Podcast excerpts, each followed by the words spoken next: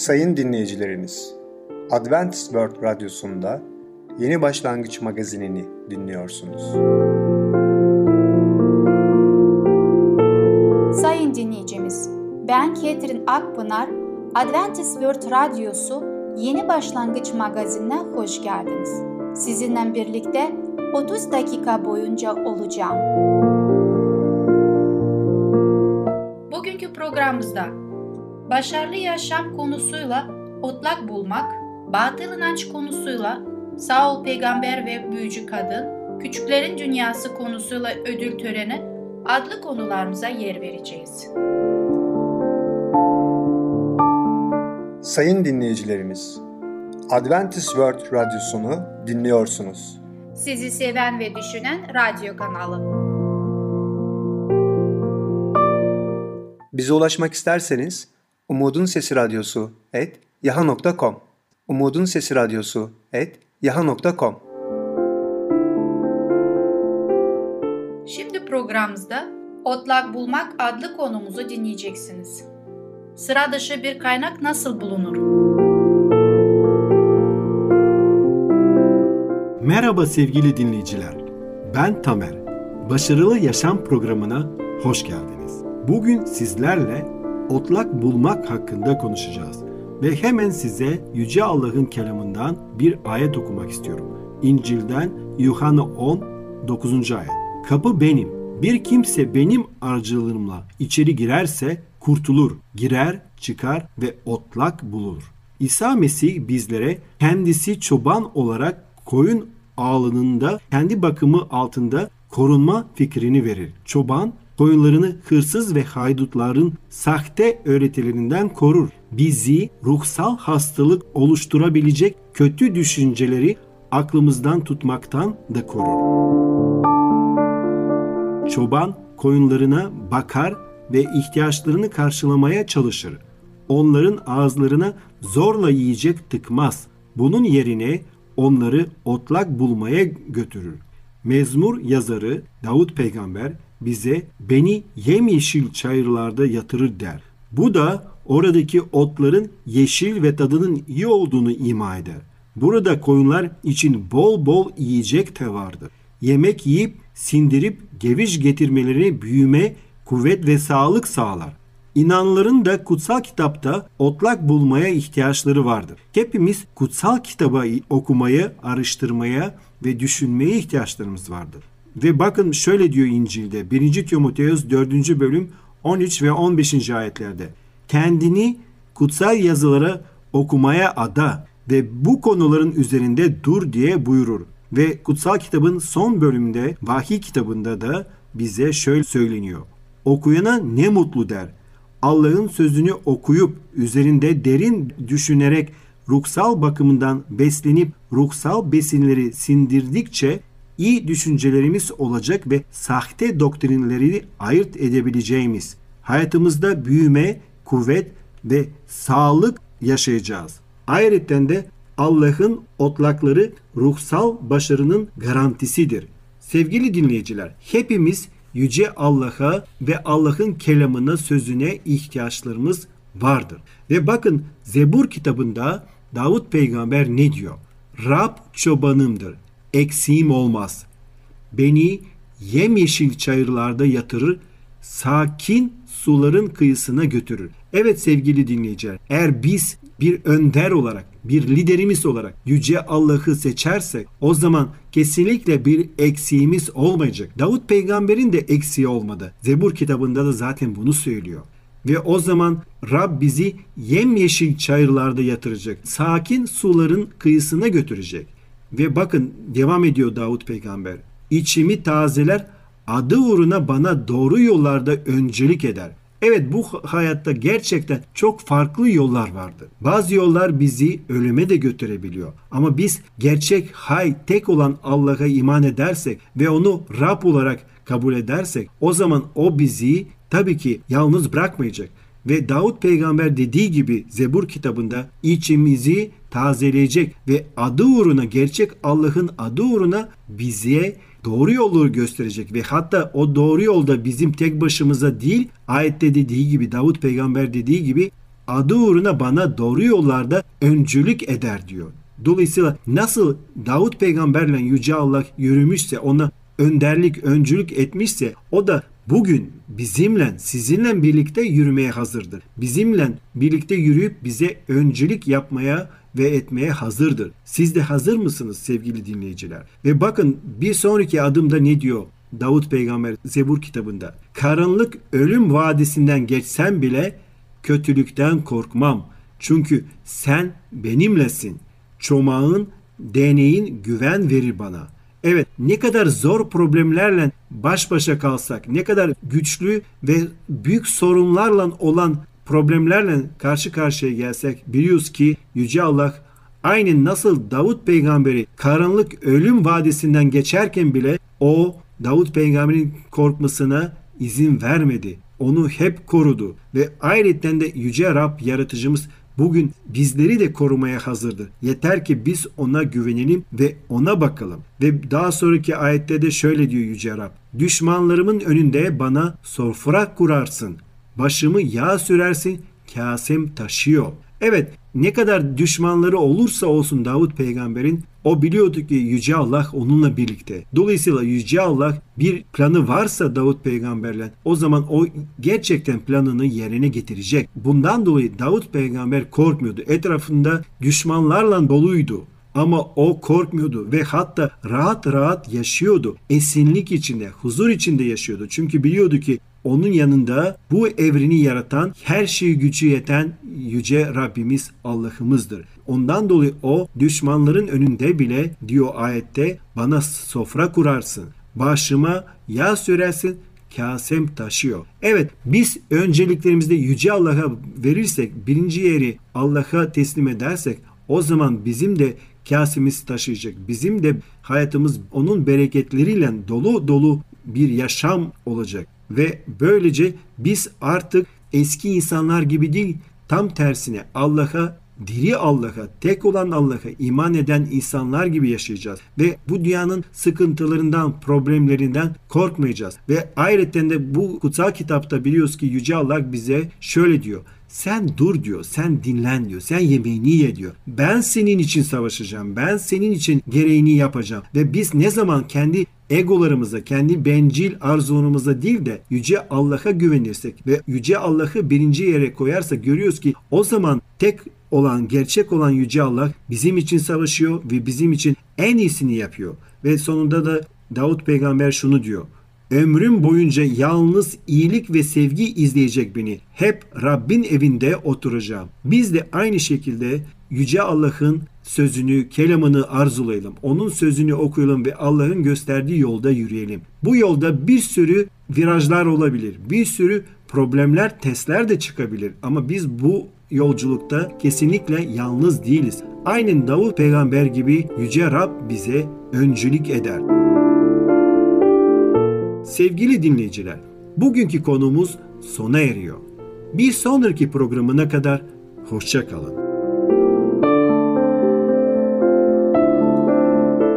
Sevgili dinleyicimiz, Otlak Bulmak adlı konumuzu dinlediniz. Bu hafta Cuma günü Başarılı Yaşam adlı programımızı aynı saatte dinleyebilirsiniz.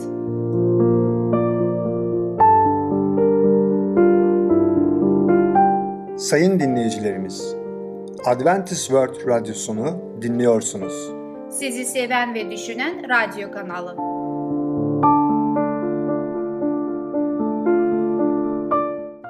Bize ulaşmak isterseniz Umutun Sesi Radyosu et yaha.com Umutun Sesi Radyosu et yaha.com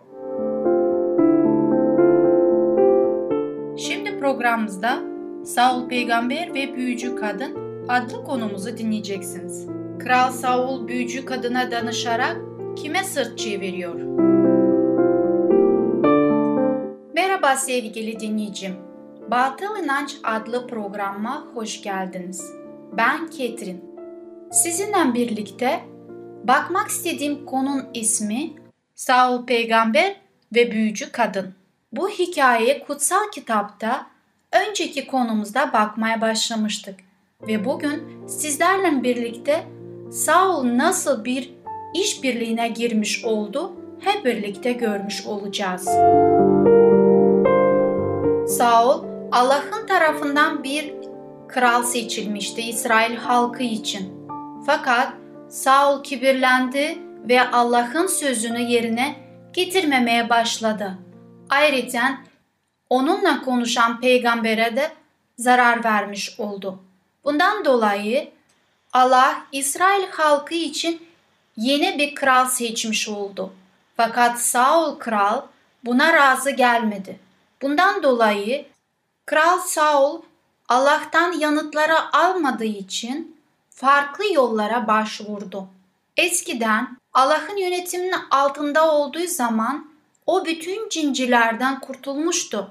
Onları İsrail toplumundan sürgün etmişti.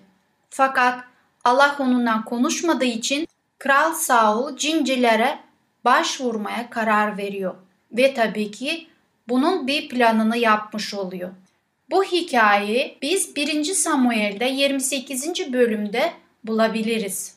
Kral Saul gece vakti kimseye görünmeden kılını değiştirip cinci kadının yanına gidiyor ve cinci kadın ona sen bilmiyor musun Kral Saul bize bu konuda bu işleri yapmamızı yasaklamıştı. Sen benim hayatımı tehlikeye atıyorsun.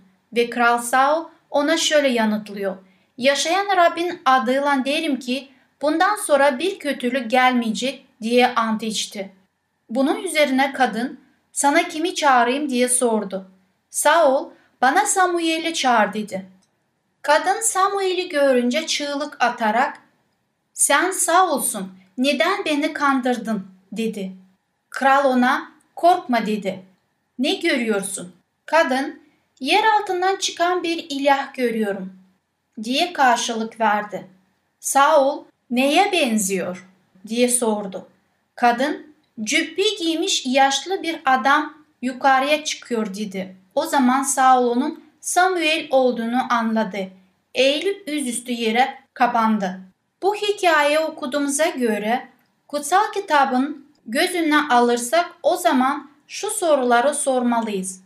Ölüler ile konuşmamız mümkün mü? Kral Saul gerçek Samuel'le mi konuştu? Kesinlikle hayır. Saul mezardan uyuyan ve kutsal kitaba göre ne olup bittiğinden haberi olmayan ölmüş Samuel ile nasıl konuşabilir? Allah'ın kendisiyle konuşmaya daha önce reddeden Saul'a ölmüş bir peygambere aracılığıyla nasıl bir mesaj gönderebilir? Allah'ın böyle bir işi yasaklamış olduğu halde ölmüş biri aracılığıyla nasıl bildirebilir? Başka bir yerde kutsal söz şöyle söylemektedir. Leviller kitabında 20. bölümde 27. ayette Cincilik yapan ve ruh çağıran ister erkek olsun, ister kadın olsun kesinlikle öldürülecektir. Onları taşlayacaksınız. Ölümlerinden kendileri sorumludur. Allah kesinlikle kendi kendisiyle çelişmez. Burada mutlaka başka bir olay vardır. Samuel olması gereken görüntü kesinlikle o değildir. O rolünü ruhçu bir dram içinde oynayan çok zeki bir varlıktı.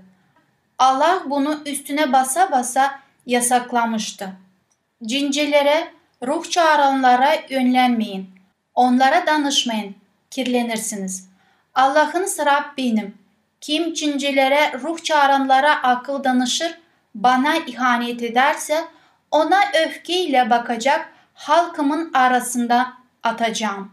Levillerde 19. bölümde 31. ayette ve 20. bölümde 6. ayette bu sözleri bulmaktayız. Hikayemizi okumaya devam edecek olursak orada şunları görmüş oluyoruz. Samuel Saul'a neden beni çağırmakta rahatsız ettin dedi. Saul büyük sıkıntı içindeyim diye yanıtladı. Filistiller bana karşı savaşıyor ve Allah da beni terk etti. Artık bana ne peygamberler aracılığıyla ne de düşlerle yanıt veriyor. Bu yüzden ne yapmam gerektiğini bana bildiren için seni çağırttım. Samuel, Rab seni terk edip sana düşman olduğuna göre neden bana danışıyorsun? dedi. 1. Samuel'de 28. bölümde 15'ten 16'ya kadar okumuş oldum. Kutsal kitap bize Kral Saul ve onun oğulları ile ilgili bir kehanette bulunmuştur. Medyum olan kadın Kral Saul'a şöyle demişti. Rab benim aracılığımla söylediğini yaptı. Kralı senden alıp soydaşın Davut'a verdi. Çünkü sen Rabbin buyruğuna uymadın. Onun alevlenen öfkesini Ameliklilere uygulamadın. Rab bugün bunları bu yüzden başına getirdi 17'den 19'a kadar bulmaktayız. Kral Saul ölülerle ilişki kuran büyücülere inandığı için hem kendi hem oğulları ölecekti. Aslında o şeytan ile ilişki kurmuş ve çok büyük bir bedel ödemek zorunda kalmıştı. O da ölümdü. İşte ölüm cezası hakkında kutsal kitap şöyle devam ediyor. Saul Rab'be bağlı kalmadığı için öldü. Rabbin sözünü yerine getirmedi yol göstermesi için Rab'be danışacağını bir cinceye danıştı. Bu yüzden Rab onu öldürdü. Krallığını da İşay oğlu Davut'a devretti. Birinci tarihlerde 10. bölümde 13. ve 14. ayetlerde bu sözleri bulmaktayız. Allah'ın bu gibi faaliyetlerde bulunan kişilere karşı tavrı kesinlikle açıktır. Sevgili dinleyicimiz, Allah cincilere ve büyücülere, ruhçulara danıştığın zaman ne şekilde baktığını göstermiş oluyor ve bunların da ödülü ne olacak çok güzel bir şekilde bize açıklamış oluyor. Gelecek programımızda konumuza devam edeceğiz. Hoşçakalın. Sevgili dinleyicimiz, Saul Peygamber ve Büyücü Kadın adlı konumuzu dinlediniz.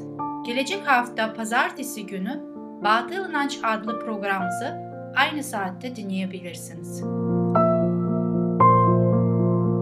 Sayın dinleyicilerimiz, Adventist World Radyosunu dinliyorsunuz.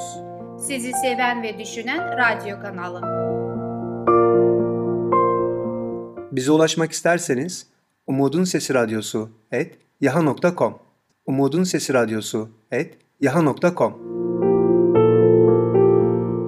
Sevgili küçük dostum, ödül töreni adlı konumuzu dinleyeceksin. Ödül nasıl kazanılır? Merhaba çocuklar, ben Fidan. Küçüklerin Dünyası adlı programımıza hoş geldiniz. Bugün sizlerle ödül töreni adlı öykümüzü işleyeceğiz. Hazır mıyız? Ödül töreni Bugün yılın en büyük ödül töreni yapıldı. Öğleden sonra saat 2'de o dev tiyatro binası hınca hınç dolmuştu. Başta belediye başkanı olmak üzere bölgenin ileri gelen yöneticileri, öğretmenleri, iş sahipleri, işçiler, bütün öğrenci velileri ve öğrenciler oradaydı. Herkes bayrama gelmiş gibi en güzel elbiselerini giymişti. Onca sıkışıklığa rağmen kimse halinden şikayetçi değildi. Tiyatro sahnesi rengarenk süslenmişti. Sahnenin iki ucuna iki büyük merdiven kurulmuştu. Ödül kazananlar sahneye sağdaki merdivenden çıkacaklardı. Sahnenin gerisinde yeşil kadife örtülü bir masa duruyordu. Masanın üstünde ödül belgeleri bulunmaktaydı. Öğretmenler ödül alacakları sıraya sokmaya çalışıyorlardı. Bazı anne babalar da sahneye çıkacak çocukların saçlarını, yakalarını ve kravatlarını düzeltmekteydi. Bir ara Garoni'nin o kocaman sevimli yüzünü gördüm. Yanında her zamanki gibi omzuna yaslanmış kambur Neli vardı. Az ötede bayguş gagası gibi burnuyla bakkal Garofi ödül listelerini topluyordu. Mutlaka bu listeleri paraya çevirecek bir planı vardı. Üçüncülük ödülü kazanan oduncunun oğlu bugün her zamankinden değişik giyinmişti. İki çeyrek geçe bando çalmaya başladı. Aynı anda vali, belediye başkanı, il eğitim müdürü ve diğer ileri gelenler sağ merdivenden sahneye çıkıp halkı selamladılar. Sonra sıra ile sahnenin önündeki kırmızı protokol koltuklarına oturdular. Daha sonra salondaki 3000 kişi hep bir ağızdan milli marşımızı söyledik. neler olacağını merak ettiğim bir sırada hiç beklemediğim bir manzarayla karşılaştım. İkinci sınıf öğretmenim gür sesiyle 3000 kişiye şöyle seslendi. Şimdi İtalya'nın tüm bölgelerini temsil eden 12 öğrencimizi ödül belgelerini vermek üzere sahneye çağırıyorum. Gazeteciler iki gün önceden 12 bölge temsilcisinin hikayesini yazmış olduğundan salonu dolduranlar merakla bu şanslı çocukları bekliyordu. Bizim okulun temsilcisi her zaman siyahlar giyen kalibriyalı çocuktu. Çok mutlu görünüyordu. Öğretmenimiz her seferinde hangi çocuğun nereyi temsil ettiğini seyircilere açıklıyordu. Sıra başarı madalyalarının ve belgelerinin dağıtılmasına gelmişti. Ödül kazananlar sıra ile protokolde bulunan beylerin önünden geçiyorlar. Onlar da ödül belgelerini ve madalyalarını vererek onları kucaklayıp öpüyorlardı. Sıra bizim okula geldiği zaman çok keyiflendim. Sahneye çıkanların çoğunu tanıyordum. Önce temiz giyimli Koretti geçti. Kim bilir buraya gelmeden önce sırtında kaç kilo odun taşımıştır. Belediye başkanı ona ödülünü verirken alnındaki çiziğin ne olduğunu sordu. Mutlaka bir odun kıymığı batmıştır. Onun arkasından parlak denizci elbisesiyle Derossi geldi. Altın sarısı saçları ve zarif yürüyüşüyle protokoldeki bütün beylerin dikkatini çekti. Hepsi tek tek onunla konuşup sorular sordular. Öğretmenimiz Robetti'yi çağırınca yüzlerce çocuk onu ayağa kalkarak alkışladı. Kahraman çocuk sahneye koltuk değnekleriyle çıktı. Belediye başkanı ödülünü verirken onu alnından öptü. Sonra koltuğun arkasında duran defne dalından yapılmış küçük bir çelenge aldı, koltuk değneklerinden birini astı. Salonda yaşa, bravo sesleri yükseldi. Ödül töreni bitince sahnenin önündeki müzik korosu milli şarkılar okudu. Arkasından vali ve belediye başkanı birer birer konuşma yaptılar. Belediye başkanı öğretmenleri göstererek sizler için çok çalışan, kalplerini size açan, sizi eğitip bu ülkeyi faydalı gençler olarak yetiştiren şu güzel insanları selamlamadan buradan ayrılmayın dedi. Bütün öğrenciler ayağa kalkıp öğretmenlerimize el salladık. Onlar da ellerini sallayarak bize karşılık verdiler. Evet çocuklar, bugünkü hikayemizin sonuna da yavaş yavaş geliyoruz. Bugün ne öğrendik? Enrico ödül törenine katıldı öyle değil mi? Bizim de okullarımızda çeşitli ödül törenleri oluyor. Öyle değil mi? Sizler de güzel ödüller alıp ailenizi sevindirdiniz mi? Bence şimdiye kadar almadıysanız Enrico'nun hikayesinden sonra gayretle çalışıp bir ödül almak için çalışabilirsiniz. Ailelerin ne kadar mutlu olduğunu gördünüz. Sadece aileler değil, öğretmenler de çok mutlu oldu.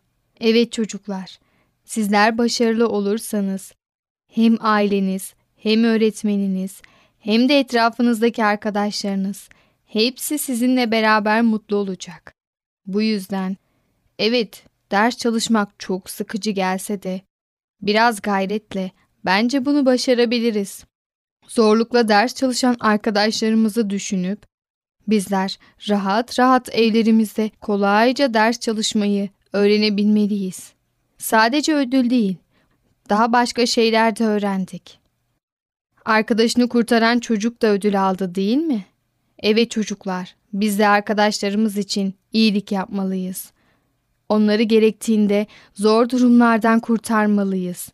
Bunu ödül almak için değil tabii ki. Öncelikle arkadaşımız, sonra da kendimiz için yapmalıyız. Böylelikle hem toplumun, hem ailemizin, hem de herkesin beğenisini kazanmış, güzel çocuklar olmuş oluruz. Evet çocuklar, bugünlük konumuz bu kadar. Bir sonraki programımızda görüşene kadar kendinize çok iyi bakın ve çocukça kalın.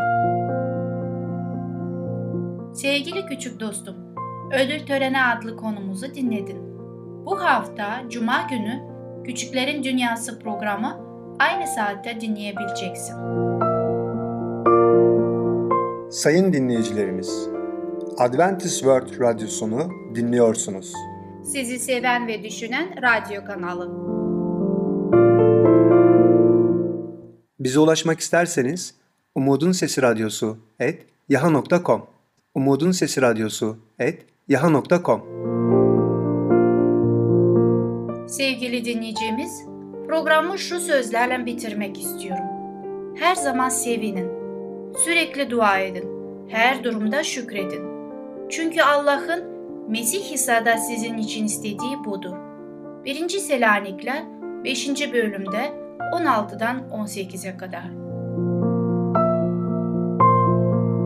Sevgili dinleyicimiz, gelecek programımızda yer vereceğimiz konular Kısa bir dua, imanın iyileştirici gücü, kırmızı biber sarması. Bugünkü programımız sona erdi. Bizi dinlediğiniz için teşekkürler. Bir sonraki programa kadar görüşmek dileğiyle. Hoşça kalın.